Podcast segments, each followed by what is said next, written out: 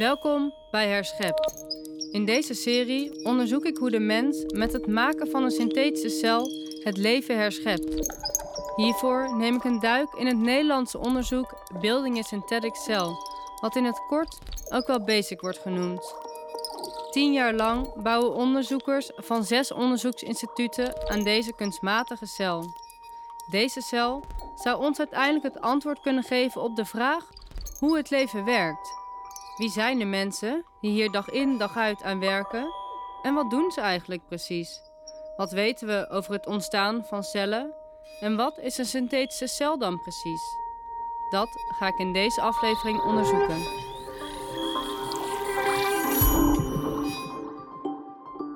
Ik ben Mies Loogman en samen met het Ratena Instituut duik ik in de onbekende wereld van synthetische cellen. Om zo inzichten te verwerven in onderwerpen die voor mij als ontwerper ver van mijn bed staan. Deze serie is ontstaan vanuit nieuwsgierigheid en ook noodzaak. Want het is hoog tijd om met elkaar in gesprek te gaan over leven met of zonder synthetische cellen. Maar dat gaat eigenlijk alleen als je begrijpt waar het over gaat, als het tastbaar wordt. En ingewikkelde zaken tastbaar maken is iets waar ik als ontwerper elke dag mee bezig ben.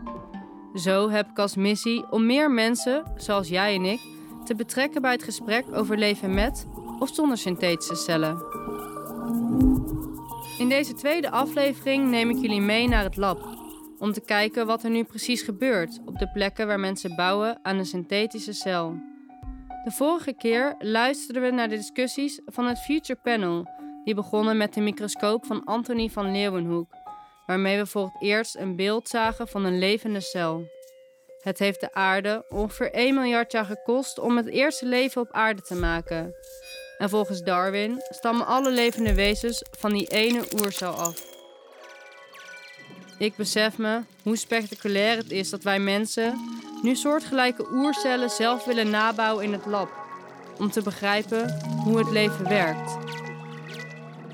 Daarom wil ik weten wie de mensen zijn die hier dag in dag uit aan werken. Wat doen ze eigenlijk precies? Waar kan hun onderzoek naartoe leiden? Hoe verhoudt de synthetische cel zich tot die eerste cel van 3,5 miljard jaar geleden? En hoe ver zijn deze onderzoekers al? Via het Ratena Instituut kom ik in contact met Lucia Baldau, Ludo Schoenmakers en Charlotte Koster. Alle drie doen ze hun promotieonderzoek binnen het Building a Synthetic Cell programma en staan ze als technische natuurwetenschappers in het lab om te bouwen aan onderdelen van de synthetische cel.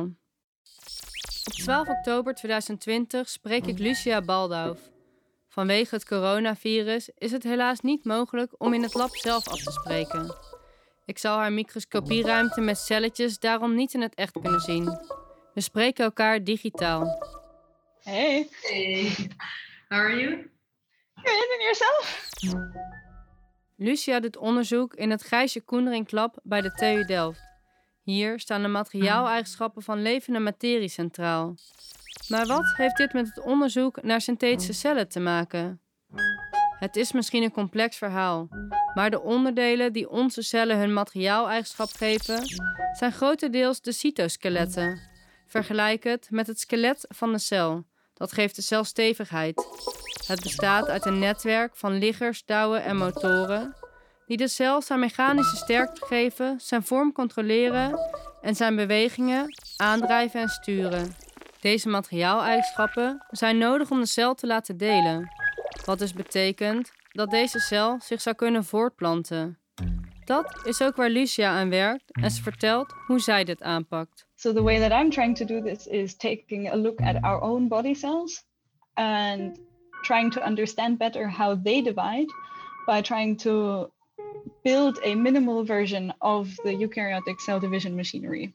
Lucia vertelt me dat ze kijkt naar onze eigen lichaamcellen om zo beter te begrijpen hoe deze cellen zichzelf delen. Vanuit deze kennis probeert ze een celdelingsmachine te bouwen. Al bijna vier jaar lang bijt Lucia zich hierin vast. Maar naast het delen moet de cel zichzelf ook in stand weten te houden en informatie doorgeven. Daarom ben ik benieuwd hoe het systeem voor celdeling dat ze ontwikkelt zich verhoudt tot het overkoepelende project Building a Synthetic Cell.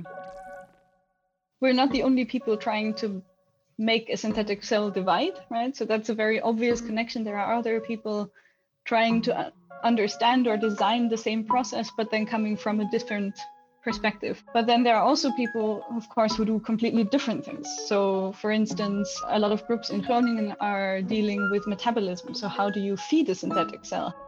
Terwijl ik luister naar Lucia, begin ik te begrijpen dat deze synthetische cel niet per definitie een kopie wordt van één type cel. Andere onderzoekers proberen ook een celdelingssysteem te maken, maar dan met een andere soort cel als startpunt. Allemaal om erachter te komen hoe je deze celdelingsfunctie het beste kunt nabouwen. Ik had er nog niet eens bij stilgestaan dat er verschillende soorten cellen zijn. Daarom duik ik in mijn biologielessen van de middelbare school om opnieuw te leren dat bacteriën, planten, dieren en schimmels uit verschillende soorten cellen bestaan. En dat er ook nog een verschil zit in het hebben van wel een celkern, eukaryoten, waar het DNA in opgeslagen zit, of geen celkern, prokaryoten. Iemand die mij daar meer over kan vertellen is Ludo Schoenmakers, moleculair bioloog en promotieonderzoeker aan de Radboud Universiteit in Nijmegen omdat ik niet naar zijn lab toe kan, ontvang ik Ludo op mijn atelier in Eindhoven op sectie C. Een plek met 200 creatieve makers. Het is dus niet altijd makkelijk de weg te vinden. Hoi. Je bent weer doorgelopen. Geef niet. Hoi, Mies. Ja, ik kan uh, geen hand geven nu. Ja, nee, ja, natuurlijk kan niet. Maar uh, Oké. welkom. We staan voor een groot bord in mijn atelier waar ik alle informatie verzamel die ik tegenkom in het onderzoek naar de synthetische cel. Wanneer ik de synthetische cel probeer te doorgronden, stel ik mij voor dat je alles dat leeft kunt namaken, dus ook misschien wel een mens. Zou er ooit een mens kunnen ontstaan vanuit de synthetische cel? Dat is een goede vraag, want uh, die cel die je daar ziet, is in principe niet de cel waar wij het over hebben wanneer we zeggen synthetische cel. We kijken naar een tekening van Randall Munro, een schematische blauw-witte illustratie van een cel. Zo eentje waaruit ons lichaam bestaat. Hij wijst me op een onderdeel van deze complexe menselijke cel. Deze dingen zijn heel veel simpeler dan dat, dan dat hele, die hele cel, die eukaryote cel, type cel waar wij, waar wij uit bestaan. Ehm, en wij, bouwen dus ook in eerste instantie zo'n veel simpelere bacteriële cel daar kun je niet zomaar een heel mens uitmaken of iets in die trant. Dat, dat is een heel ander verhaal. Na een half jaar onderzoek kom ik er nu pas achter dat deze synthetische cel een heel ander soort cel wordt dan ik al die tijd heb gedacht. Ik dacht dat deze synthetische cel zou kunnen evolueren tot een mens of een synthetische variant daarvan. Dat blijkt niet zo te zijn. Maar waar hebben we het dan wel over?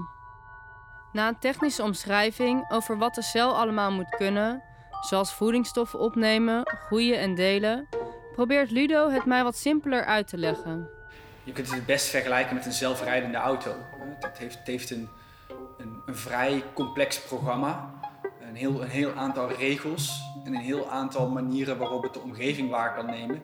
En op basis van de regels en wat waargenomen wordt uit de omgeving, eh, kan het programma bepaalde taken uitvoeren. Dat is hoe we volgens Ludo het beste naar de synthetische cel kunnen kijken.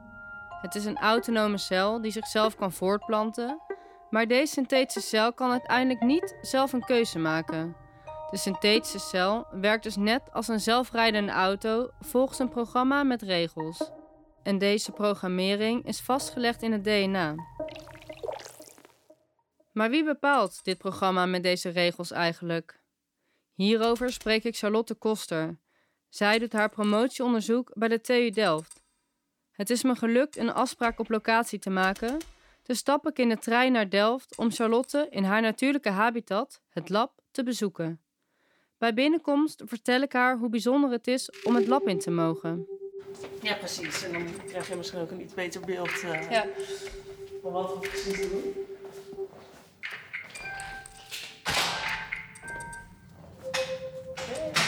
groene lapjas aantrekken. Ja. Dat je eruit ziet dat je bezoeker bent. nou, het lijkt bijna op mijn normale jas. Ja, dat je hem gewoon uit kunt houden. Haar onderzoeksgroep kijkt naar manieren om producten zoals biobrandstof en bioplastics op een groene manier te produceren met behulp van gistcellen. Ze denken dat de synthetische cel hier ook geschikt voor kan zijn. Ik vraag Charlotte wat zij precies doet. Ik kijk zelf naar de synthetische cellen, dus cellen die nog niet bestaan, maar die we in het lab gaan bouwen. En die kunnen we hopelijk voor soortgelijke doeleinden gaan gebruiken. En ik zelf ben vooral bezig met het in elkaar zetten van het DNA van die synthetische cel. Dus uiteindelijk de, de code van hoe die synthetische cel eruit gaat zien en welke functies die gaat uh, vervullen in de toekomst. Charlotte is als het ware de programmeur van die zelfrijdende auto en schrijft het programma van deze toekomstige cel. Hoe toekomstig? Daar vertel ik je straks meer over. Eerst neemt Charlotte mij mee naar het moleculaire biologielab. Het lab waar Charlotte haar meeste tijd doorbrengt en waar ze genetische modificatie, het aanpassen van DNA, uitvoert. Hoopvol stap ik naar binnen, met het idee eindelijk een glimp op te vangen van hoe deze cel eruit ziet. Al blijkt mijn hoop misschien wat voorbarig wanneer Charlotte begint te vertellen. Dit is eigenlijk het lab waar we de coolste dingen doen, maar je, je ziet er heel weinig van. Dat gewoon allemaal op zo'n microschaal gebeurt, dat je het eigenlijk niet, niet echt kan zien. Er staan daar buisjes, uh, daar zit bijvoorbeeld DNA in en dat ziet er gewoon uit als een... Uh, deze, het ziet er gewoon uit als een kleurloze... Het ziet er gewoon uit als een kleurloze vloeistof. Je ziet er helemaal niks aan. Op het buisje staat toevallig dat er wat voor DNA erin zit en wat er voor eigenschappen mee uh, aangepast kunnen worden, bijvoorbeeld. Maar met het blote oog is er eigenlijk vrij weinig uh, hier te zien.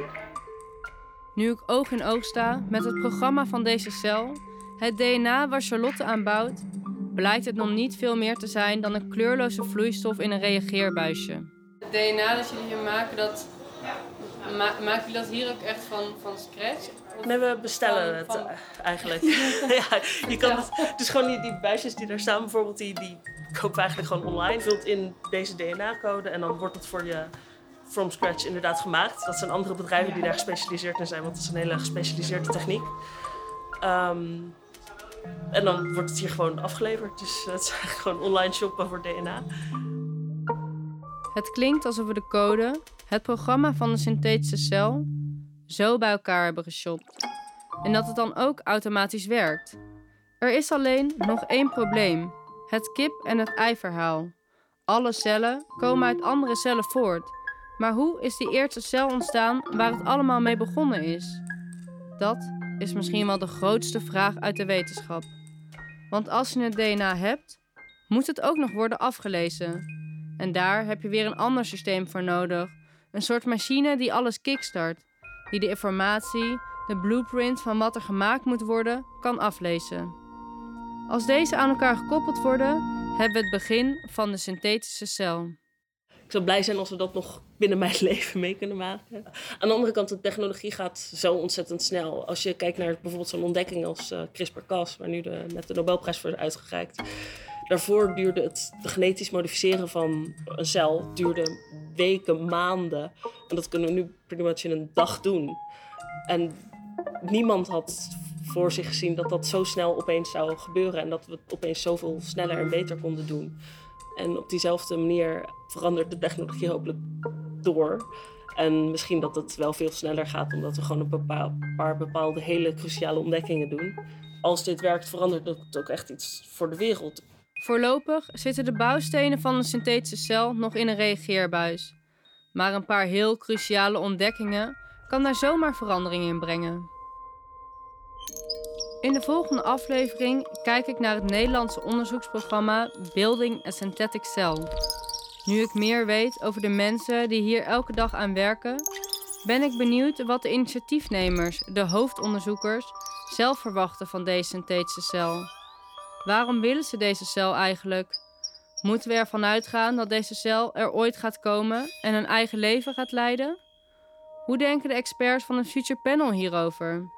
En wanneer gaan we hierover samen in gesprek? Dit was Herschept. Interviews, ikzelf met Lucia Baldauf, Ludo Schoenmakers en Charlotte Koster. Techniek Ivan van Wijk. Muziek Luc-Andrea Baraldi. Eindredactie Mies Loogman en het Raadsma Instituut. Advies Hanna van Litterveld. Met veel dank aan Rini van Est, Kira Delsing, Rachel Visser en Michelle Habets. Dank ook aan alle mensen van het Future Panel on Synthetic Life en natuurlijk ook aan de Stimuleringsfonds Creatieve Industrie die deze serie mede mogelijk heeft gemaakt. Om alle afleveringen te beluisteren, ga naar onze website synthetischecel.nl slash herschept of abonneer je op onze podcast. Dankjewel voor het luisteren. Volgende keer in Herschept onderzoek ik de verwachtingen van de synthetische cel. Hiervoor leg ik mijn oor te luisteren bij het promotieonderzoek van Bettina Graube. Heb je ondertussen een vraag gekregen? Laat het ons weten via herschept.synthetischecel.nl.